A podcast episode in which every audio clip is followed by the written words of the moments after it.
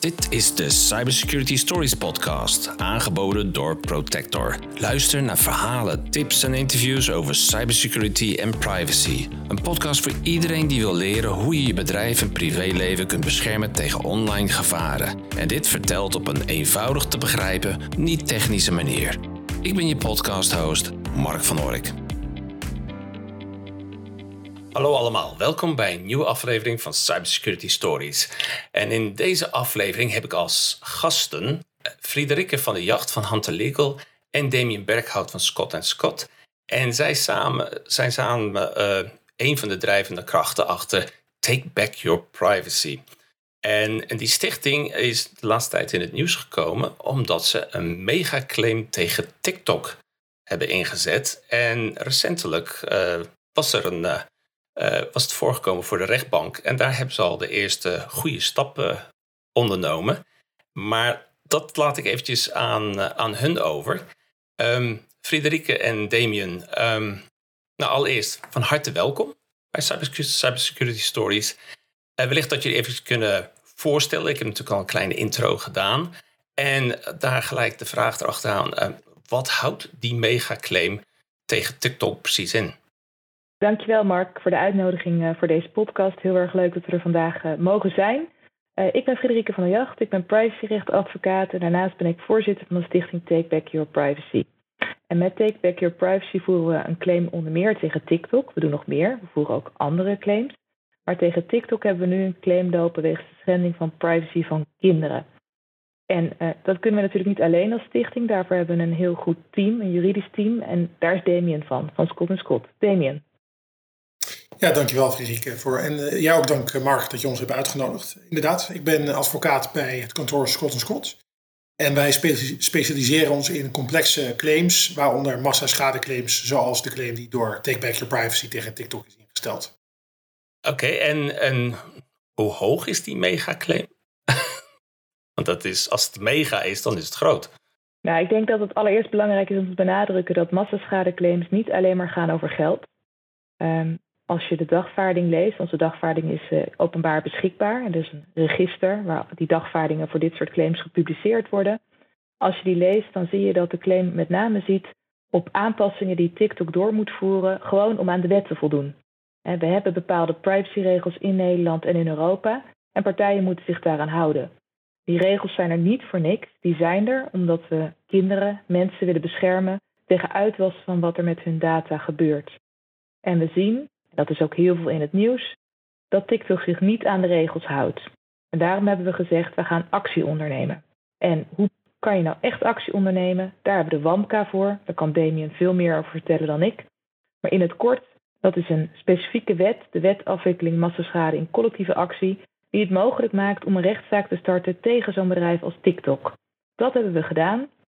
En daar vorderen we dus dat ze stoppen met hun onrechtmatig handelen, dat ze gegevens vernietigen die ze onrechtmatig hebben verzameld, dat ze zich aan de wet gaan houden en ook omdat ze heel veel geld hebben verdiend met het onrechtmatig verzamelen van die gegevens, dat ze een schadevergoeding betalen aan de kinderen. Ja, die schadevergoeding die kan oplopen tot ongeveer 2 miljard euro. Oké, en is TikTok specifiek uh, de, de keuze? Want uh, er zullen misschien wel nog meer organisaties die zich niet helemaal eraan houden? Of is TikTok in jullie ogen, die springt er wel uit en vandaar dat jullie de pijl hebben gericht op TikTok? Uh, kijk, nee, uh, zeker. Kijk, er, er zijn uh, twee dingen tegelijkertijd het geval. Het eerste is zo dat TikTok inderdaad zo'n beetje het slechtste jongetje van de klas is. En dat heeft een aantal redenen. Um, degene die bij mij het eerst naar voren komt, is dat TikTok als product, als applicatie, met name zich heeft gericht tot een hele kwetsbare groep. En dat zijn hun kinderen. TikTok was echt een app waar massaal kinderen naartoe uh, zijn, zijn, zijn, zijn bewogen. En het is een applicatie die bijna genetisch gemanipuleerd was om juist kinderen aan, aan, ja, aan te trekken. Uh, en die zijn heel kwetsbaar voor de, de, effectiviteit eigenlijk van het algoritme. En daar komt bij dat TikTok een hele reeks aan schendingen heeft begaan. En Friederike die terecht wijst op de, de, de, ja, de systematische schending van privacy die wordt gecreëerd door TikTok. Maar TikTok schendt ook op grote schaal consumentenrechten en cookie-regelgeving met haar, uh, met haar applicatie. En TikTok is ehm, daarnaast een partij die ontzettend snel groeit. Uh, waar andere partijen zoals Facebook tanende zijn, is TikTok alleen maar aan het groeien en groeien en groeien. En het is uh, belangrijk dan dat juist dat soort partijen, die eigenlijk de marktstandaard zetten van de toekomst, hè, want iedereen probeert TikTok nu te kopiëren, dat juist daar de best practices worden afgedwongen. En dat is precies wat uh, Take Back Your Privacy op dit moment probeert te doen. Het tweede element ervan is, eh, dat zegt ook in je vragen, van waarom niet anderen? Nou, daar, daar kan Friederike beter meer over vertellen, maar de stichting is ook bezig met hele andere acties tegen andere partijen die, die ook uh, niet netjes zijn. En ik denk dat de stichting daarbij de logische partijen de korrel neemt. Oké, en, en nou goed, die TikTok die is inderdaad al een geruime tijd. Want het komt oorspronkelijk vanuit Musical.ly. En dat weet ik nog dat mijn dochter, die was toen 13 of zo. Ook allemaal van die leuke. Het zijn inderdaad hele onschuldig lijkende uh, dingen. Maar dat, dat, het werkt ook erg verslavend. Ik geloof dat iedereen die ik spreek, dan uh, voor je het weet zit je gewoon nog, nou ja, zeg maar in de befaamde rabbit hole van al die filmpjes. Want die algoritme weet ontzettend goed wat voor filmpjes je moet gaan voorleggen.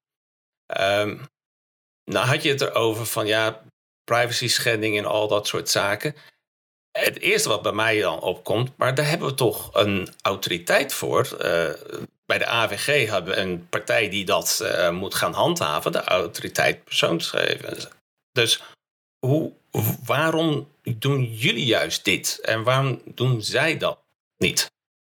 Nou, dat ligt vrij ingewikkeld. De AVG is een Europese wet uh, en er is afgesproken dat de toezichthouder in het land waar de hoofdvestiging van een partij zit, dat die bevoegd is om bij grensoverschrijdende overtredingen op te treden. Dat klinkt heel ingewikkeld. Wat ermee bedoeld wordt is dat TikTok in heel Europa actief is, gegevens van allerlei Europese burgers verzamelt. En dan is de vraag wie mag daar nou tegen optreden? En welke autoriteit? Nou, eerst had TikTok nog geen vestiging in Europa. En als er geen vestiging is, dan mag elke nationale toezichthouder optreden. Dus toen is de autoriteit persoonsgegevens ook begonnen met een aantal onderzoeken. Nou, wat heeft TikTok toen gedaan? Die heeft zich gevestigd in Ierland.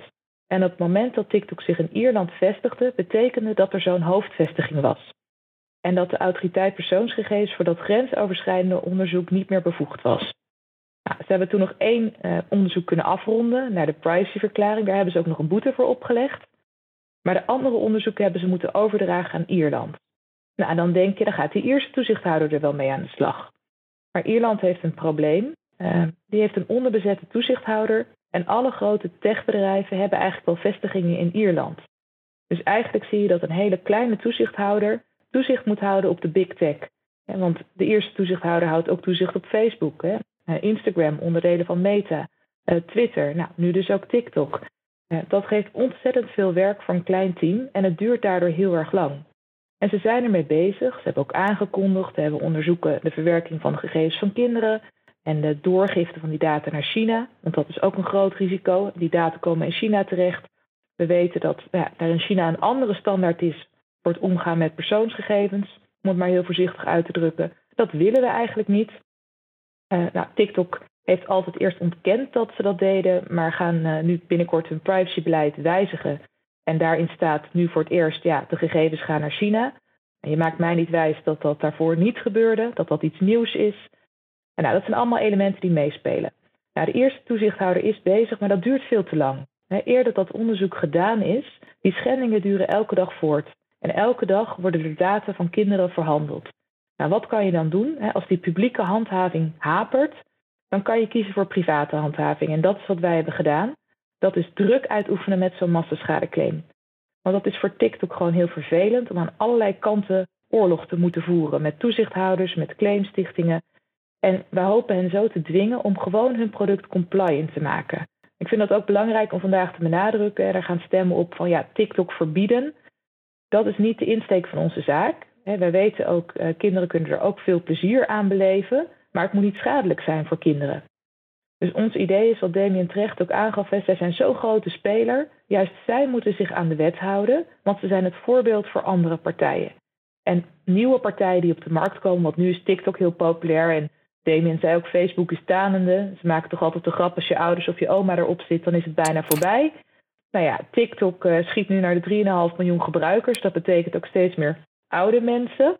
Dus op een gegeven moment zal TikTok ook wel gaan afkalven. Maar dan komt er weer iets nieuws. En juist zo'n nieuwe aanbieder moet meteen weten: als ik me begeef op die Europese markt, dan hebben we wetgeving. En als de toezichthouder niet kan optreden, dan zijn er allerlei claimstichtingen waar ik rekening mee moet houden. En met name in Nederland, omdat we daar zo'n goede wet hebben om dat soort acties te starten. Dus ja, het is heel erg belangrijk dat juist claimstichtingen deze taak ook op zich nemen. Om te bevorderen dat TikTok ja, nu al stapjes gaat zetten. En dat zien we ook. want eerst waren er geen datacentrum in Europa. En nu ineens kondigt TikTok aan: ja, we openen een datacentrum in Ierland. Kleine wijzigingen in het privacybeleid, kleine wijzigingen in de instellingen. Dat komt mede door die druk van alle kanten. Dat, ik zal zeker niet beweren dat dat alleen door onze claim komt. zo goed uh, schat ik ons ook weer niet in. Maar wij duwen wel. En wij duwen, de Nederlandse toezichthouder heeft geduwd, de publieke opinie duwt. Nou, ehm, even tot hier had uh, in een laatste aflevering een heel mooi filmpje uitgelegd in één minuut waarom TikTok zo gevaarlijk is en waarom je tegen in opstand moet komen.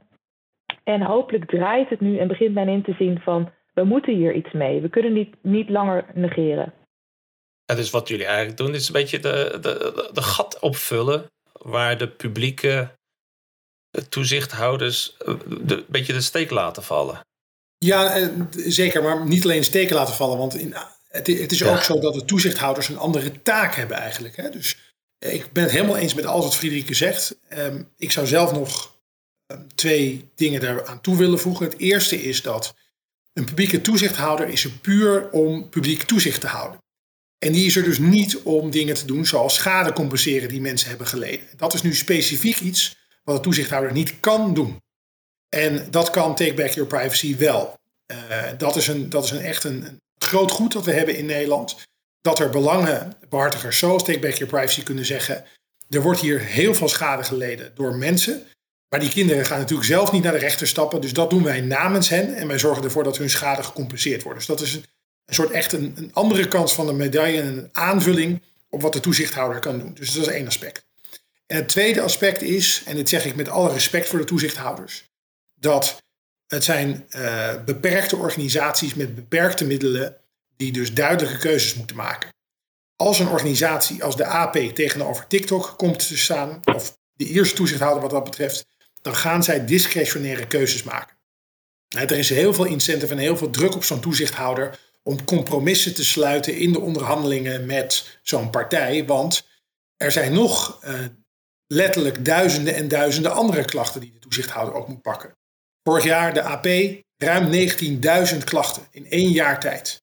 Er moeten keuzes worden gemaakt. Ze kunnen niet onbeperkt en al hun energie op zo'n zaak uh, zetten. Ook dat wederom is anders voor een organisatie als Take Back Your Privacy. Die kan wel selecteren en die zeggen: hier gaan we echt werk van maken. En dat is ook wat Friederike en eh, de rest van de stichting uh, nou, in mijn ogen uitstekend hebben gedaan. Je ziet ook dat dat effect sorteert. Ik vind dat Friederike echt te bescheiden is. Het is wat mij betreft heel duidelijk dat TikTok nu langzamerhand allerlei dingen aanpast. Omdat zij doorheeft, straks in de rechtszaal moeten we ons verantwoorden hiervoor. Dus we moeten nu snel dit soort dingen wegpoetsen. En je ziet, ze hebben nu al een andere privacyverklaring. Ze veranderen de regels al. Ze zijn open nu over waar die data heen gaat. Dat is allemaal onder druk van de toezichthouders en van partijen zoals Take Back Your Privacy. Nou, ik moet heel eerlijk zeggen, toen ik dat, uh, dat dingetje kreeg van uh, die privacyverklaring. En toen ik het las en dat het zo open en duidelijk was van waar die data heen, moest ik echt toch wel aan jullie denken hoor.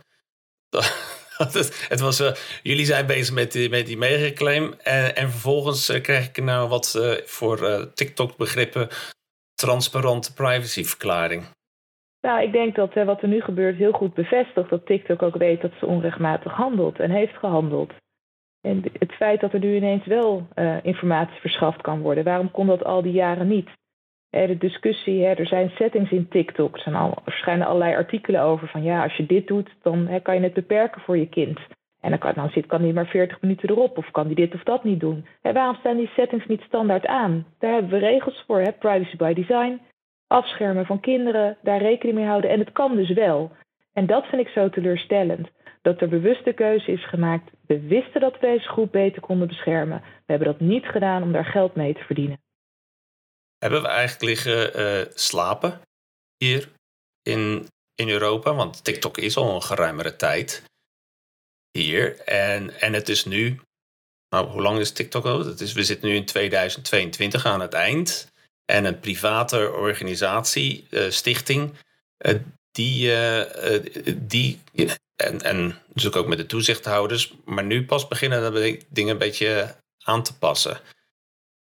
Is dat gewoon omdat, omdat het een black box is en niemand het eigenlijk wist en het waren voornamelijk de jeugd die maar mee te spelen en degene die daar iets van konden doen, die, die waren niet zo met TikTok bezig? Dat vraag ik me soms wel eens af. Van, hebben wij in, met name in Europa liggen slapen omdat uh, in Amerika was natuurlijk de president Trump, die heeft daar nog een beetje stennis over trappen destijds onder zijn eh, presidentschap. Eh, maar daardoor zijn er wel wat meer beperkende zaken aan de Amerikaanse kant geweest. Ja, ik denk dat Amerika meer heeft gekeken naar het national security aspect. Hè, willen wij dat bepaalde data over Amerikanen uh, in China terechtkomen? Dus misschien niet zozeer het privacyrechtelijke aspect, maar waar je de ChristenUnie nu ook over hoort. Hè? Ehm, het spionnengevoel. Hè? Het idee mhm. dat, dat China inzicht krijgt in een hele generatie opgroeiende Amerikanen. Uh, ik denk dat wij dat gevaar minder hebben gezien. Uh, ik denk dat je niet moet vergeten dat um, al die onderzoeken van de toezichthouders, die lopen ook al een aantal jaar. En voor ons ook, hè, wij zijn ook al heel lang bezig met deze claim. Uh, maar de processen die gaan langzaam en ondertussen gaat zo'n partij, partij door en groeit. En dan speelt ook nog mee dat we de coronapandemie hebben gehad. En dat heeft gewoon een golf aan, aan groei van mensen op TikTok veroorzaakt. Hè. We zaten thuis, we hadden afleiding nodig. En uh, wilde je contact houden als kind met je klasgenootjes, ja, dan deed je dingetjes op TikTok. Dus het is ook een, uh, nou, misschien een beetje een giftige cocktail geweest qua tijdspad, qua naïviteit, uh, misschien niet meteen de gevaren inzien, langzame toezichthouders, tijd die het kost om zo'n claim goed voor te bereiden. En ja, nu komt alles samen. En ja, voor ons is dat natuurlijk heel mooi om te zien, want uh, we zijn er al zo lang mee bezig. En de laatste paar weken is, nou, bijna elke dag is er wel iets van nieuws. Vandaag is het weer bekend dat ook Ursula von der Leyen een brief heeft gepubliceerd. Waarin ze aangeeft uh, nou, dat er onderzoek wordt gedaan naar TikTok. Dus die zorgen worden nu Europa breed gedragen. Is het te laat? Ja, maar het is net als met het klimaat. Het is nooit te laat om iets te doen. En maar stil blijven zitten en denken van ja, het is ons overkomen. Dat moeten we vooral niet doen. Want dit is gewoon de eerste grote zaak en er gaan nog veel meer van dit soort bedrijven volgen. Ja, en Mark, dit is ook een keuze. Hè? Van, wil je een repressief of een correctief systeem hebben? Dus wij zeggen niet, je moet dus niet eerst een toetsing aan de, aan de poort hebben. Nee, er zijn regels aan de poort. Dus die regels zijn er. TikTok heeft zich altijd aan moeten houden. Maar het is dus echt, je bent afhankelijk van ingrijpen van toezichthouders. En partijen als Take Back Your Privacy om achter, achteraf in te grijpen als het misgaat. Dat is, dat is een fundamentele keuze die ja, toch een beetje hoort bij, eh, bij, bij de keuze om niet soort aan, aan de voorkant alle producten proberen te toetsen. En dat is logisch, want het is ook onmogelijk. Anders zou je innovatie ook wel echt uh, fundamenteel uh, onmogelijk maken. Een, een nieuwsgierig vraagje, want dit, dit is in Nederland. Je gaf al aan, wij hebben de, wetgeving die daar uh, ondersteunt om dit soort zaken te gaan, gaan starten. Hoe is het de rest van Europa? Want als er nu meerdere, als, als TikTok nu van alle kanten, vanuit Duitsland, Frankrijk en wat zo, ook allemaal dit soort megaclaims krijgen, dan, dan uh, wordt het wel heel erg heet onder de voeten. Of zijn het jullie uh, toch uh, leidend? Ja, ik denk het wel, eerlijk gezegd, om een simpele reden. Hè. Dus er, is eigenlijk, ik zou zeggen, weinig reden om in sommige andere jurisdicties om nu iets te doen, omdat de uitspraak die nu zal geveld worden door de Nederlandse rechter, dat zal een uitspraak zijn die te leveragen is in andere jurisdicties. Want, want het is zo'n Europees rechtelijke vraag dat als de, de, het oordeel zal zijn, en dat is natuurlijk het oordeel dat we verwachten, dat, dat TikTok al deze regelgeving schendt. En niet alleen de privacywetgeving is naar zijn aard Europees, dat geldt ook voor de consumentenwetgeving en voor de cookie-regelgeving. Ja, dan, dan betekent dat dat TikTok zijn gedrag in heel Europa zal moeten aanpassen. Ah, kijk. Ja, dus dan hebben jullie Lukt het hier, dan kan de rest van Europa zeggen van verwijzen naar de rechtszaak in Nederland. Frederike haalt de kastanjes uit het vuur, inderdaad. Kijk, kijk. Um, nou hebben we het hier over kinderen. dat is een specifieke kwetsbare groep waar jullie nu op, op richten. En dat daar, daar gaat ook in de AVG staat het ook heel erg duidelijk over kwetsbare groepen. Ehm, maar uh, deze megaclaim, ik denk zelf, is van groot belang voor de hele Nederlandse samenleving. Is dat iets wat jullie ook zeg maar onderstrepen? Ja. Niet alleen voor de kinderen, maar. Nou, we hebben expliciet gekozen voor de kinderen omdat we daar uh, vinden uh, iemand moet hun stem zijn. Wij volwassenen uh, hebben wat meer invloed op wat er gebeurt met onze data, tot op zekere hoogte. Um, en wij hebben gezegd, vooral die kinderen, die hebben echt geen enkel beeld van hoe hun data wordt verhandeld. En ook de ouders hebben dat inzicht niet goed in wat hun kinderen online allemaal doen. Dus wij vonden het belangrijk om voor die groep op te treden. Ook omdat we ook willen laten zien, hè, het gaat niet alleen om geld, het gaat om compliance. Uh, en bij massaschadeclaims hangt er altijd iets omheen van, ja, hè, het krijgt een Amerikaanse claimcultuur. Nou, we hadden natuurlijk de groep ontzettend kunnen uitbreiden en de claim ontzettend kunnen uitbreiden. Dat hebben we bewust niet gedaan. We hebben gezegd, dit is de groep waarvan we zeggen, die verdient extra bescherming. Daar gaan wij ons hard voor maken. Ja, en dus uiteindelijk is het gewoon de, het uiteindelijke resultaat wat jullie willen bereiken is, is dat TikTok zich gewoon aan de regels houdt. Ja, en dat vind ik eigenlijk ook helemaal geen gekke vraag. Eigenlijk zeggen we gewoon, jij acteert hier op de markt, op de Europese markt. Er zijn bepaalde regels. Hetzelfde als je ergens op visite gaat, dan pas je je aan aan de regels die daar gelden. En die regels zijn er niet voor niks. Dat komt omdat wij grondrechten hebben, waar we veel waarde aan hechten. Omdat we een democratische samenleving hebben, waarin we het ook niet oké vinden dat data zomaar alle kanten op gaat, wordt verhandeld of inzichtelijk is voor overheden. En die regels die zijn er uh, al lang. Die hebben we niet voor niks ook aangescherpt in 2018. Uh, de AVG is ook eigenlijk leidend voor de wereld. Je ziet dat andere landen en jurisdicties die komen steeds allemaal met privacywetgeving die sterk lijkt op de AVG. Uh, omdat we allemaal vinden dat we beter moeten omgaan met die data. En we hebben een hoog gedigitaliseerde samenleving. Dat zal alleen maar toenemen de komende jaren. En nu moeten de, hè, de spreekwoordelijke piketpaaltjes slaan. Want als we dat nu niet doen, dan worden we overspoeld door dit soort apps. Die ja, gewoon doen wat ze willen. En daar kan geen enkele toezichthouder dan maar tegenop. Ja, en dus moet je gewoon de, de leider aanpakken en die als rolmodel uh, gaan neerzetten. Ja, en ook wat ik heel belangrijk vind, Mark, is dat ik merk dat het begint door te dringen bij jongeren. Want uh, eerst was het echt al, oh, je bent de zaak tegen TikTok aan het doen, wat irritant. Uh, en dan hoorde ik van een vriendinnetje, ja, de hele klas van mijn dochter moet nu van TikTok en dat komt door jouw zaak. En nu krijg ik een verzoek van twee jongens uit 6 VWO die hun profielwerkstuk willen schrijven over de TikTok-zaak. Omdat ze zichzelf toch ook wel een beetje zorgen maken en het toch een beetje raar vinden wat er gebeurt. Krijg ik een appje van mijn neefje, uh, tante Frederik, mag ik op TikTok of zal ik dat maar niet doen? En hoe zit het eigenlijk met Snapchat? Kijk, en dat is waar we ook als stichting naartoe willen, dat bewustzijn vergroten bij kinderen. Want het zit natuurlijk ook in hoe voeden wij onze kinderen op en wat geven we ze mee. En beseffen ze wel dat we een hele hebben en houden online staat en dat dat tegen hen gebruikt kan worden.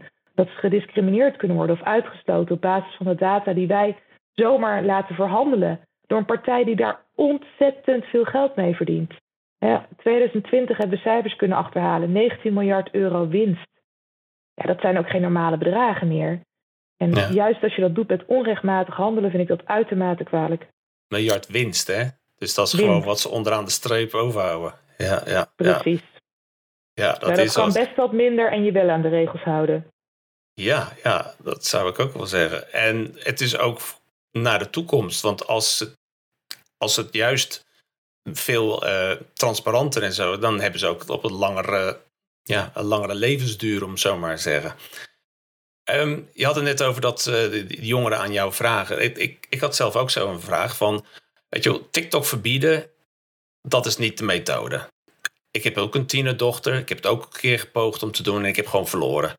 Dus, uh, maar hoe, hebben jullie misschien tips om, ja, niet zeg maar zozeer uh, de app ervan afhalen, want dat, dat willen ze toch niet. Maar wat, wat zouden ze kunnen doen in afwachting totdat jullie ervoor zorgen dat uh, uh, TikTok uh, automatisch alles goed gaat doen. Wat moeten ze doen om privacy veiliger met TikTok om te gaan? Nou, in ieder geval samen met hun ouders een keer kijken naar de privacy-instellingen. Je kan van alles uitschakelen, dus beperken wat er gedeeld wordt. Nou, misschien de timer aanzetten als ouders. er zijn ook opties om mee te kijken in accounts. Nou, het is de vraag in hoeverre je dat ook wil bij je kinderen. Want ook al zijn ze onder de 16, uh, je wil ze toch ook hun privacy gunnen. Uh, op een andere manier. Dus dat kan je doen, maar ook gewoon het gesprek aangaan met je kinderen. Uh, van, hè, wordt er bij jullie wel eens geplaagd met filmpjes online? die challenges, is dat nou wel een goed idee? We horen nu weer allerlei kinderen die gewond zijn door de Firework Challenge, omdat ze weer vuurwerk gaan uittrappen, omdat het op TikTok staat. En gewoon laten zien van ja, het gaat ook wel eens mis. En besef dat. En, en praat daarover met je kinderen. Ik denk dat dat een heel belangrijk begin is. Weet wat ze doen online. Het kan ook zo snel groeien omdat ouders geen ideeën hebben en kinderen dan zeggen: ja, al mijn vriendjes zitten er ook op. En dan is het al hè, gepasseerd en dan kan je al, heb je geen invloed meer. Ja. Ik vind, het, ik vind het hele goede tips uh, die Friederike geeft. Maar ik moet er wel bij zeggen dat, dat dit alweer een beetje te veel TikTok bijna vrij blijft. Hè? Ik bedoel, want uh, je stelt terecht de vraag, hè, wat kunnen mensen ondertussen doen? Ja, het is heel lastig om nu op een veilige manier gebruik te maken van TikTok. Door wat TikTok doet. TikTok die is gewoon bezig structureel veel te veel data over jou te verzamelen en trekt je overal. En doet het om je te kunnen profileren, et cetera, et cetera, et cetera. Je kunt je heel erg je best doen, maar fundamenteel is het niet privacy by design. En fundamenteel gaan die data gewoon naar andere jurisdicties toe. Dus ja, de eerle, het eerlijke antwoord, uh, wat, wat, wat, wat met meer pijn doet als je straks moet praten met je tienerdochter, Mark, is ja, toch maar niet op TikTok, voorlopig. En in, in een zekere zin helpen wij TikTok. Uh, om, om die reden ook. Of helpt Take Back Your Privacy TikTok. Want als TikTok schaande regels houdt, dan is het veel makkelijker. En dan kunnen mensen wel veilig uh, gebruik maken van die applicatie. En daar gaat het de stichting ook juist om. Dat mensen gewoon netjes aan de regels houdt, goede applicatie maakt. Heel veel van de functionaliteiten van TikTok, zo niet alles, kunnen nog precies hetzelfde functioneren. Maar ja, misschien zal men inderdaad dan een paar eurotjes minder moeten verdienen. Maar dat is, dat is dan maar zo de analogie die ik bij mij, bij mij binnenschiet is, is van ja, weet je, je moet dan gewoon een auto met uh, uh, airbags en, uh, en, een autogordel gaan leveren. Ja. En TikTok doet dat nu niet. Je nee. kan ermee auto rijden, maar als je er een botsing mee maakt, ja, dan kan het verkeerd aflopen. Exact. Nou, ik vond het erg, erg interessant van waar jullie mee bezig zijn. Ik denk ook door hopelijk dat er nu meer luisteraars ook beseffen waar jullie hoe belangrijk het werk is wat jullie aan het doen zijn. En dat dat zometeen echt wel een effect heeft uh, voor uh, ja, de hele Europese Unie. Als iemand daardoor getriggerd wordt, uh, kunnen, ze, kunnen ze nog meedoen of op zo'n wijze? En, en, en zo ja, wat moet men doen? Ja, ze kunnen zeker nog meedoen. wij hebben een samenwerking met de Consumentenbond. En als je naar de website van de Consumentenbond gaat, vind je daar een pagina over de TikTok-claim. En daar kan je je kind aanmelden. Of als je zelf tot die categorie hoort, eh, je ziet precies categorieën staan, welke leeftijd wanneer. Ehm, dan kan je jezelf ook nog aanmelden. En wij vinden het natuurlijk ontzettend fijn als mensen een steun uitspreken.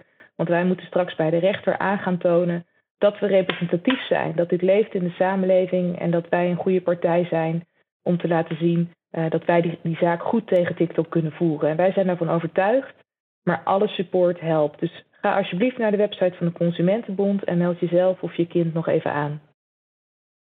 Nou, lijkt me een heel goed initiatief. Ik, uh, ik zal het ook in de, in, de, in de show notes gewoon het linkje opnemen. Dan hoef je niet helemaal zo te zoeken, dan kan je er gewoon op klikken. dat is een linkje waar je wel op mag klikken, om zo maar te zeggen. Um, Damien, reuze bedankt voor uh, al deze informatie. En ik wens jullie echt heel veel succes uh, met, met jullie case, met die megaclaim tegen, tegen TikTok. En, en ja, ik hoop gewoon dat, dat, dat er snel uitspraak komt, zodat we veilig gewoon gebruik kunnen maken van TikTok. En dat het ook een voorbeeld zal dienen voor elke andere appontwikkelaar en de volgende generatie TikTok, Facebook of Instagram. Want er zal vast en zeker wel weer een nieuwe op te proppen komen. Dat die vanaf het begin aan privacy by design heeft. Reus bedankt. En voor iedereen die aan het uh, luisteren is, ik zou zeggen tot een volgende keer. Tot ziens. Bedankt voor het luisteren. Als je de podcast leuk vindt, abonneer dan op je favoriete podcastplatform. En luister je op Spotify of Apple Podcast, dan zou ik het zeer waarderen als je een rating geeft. Bedankt en tot de volgende keer.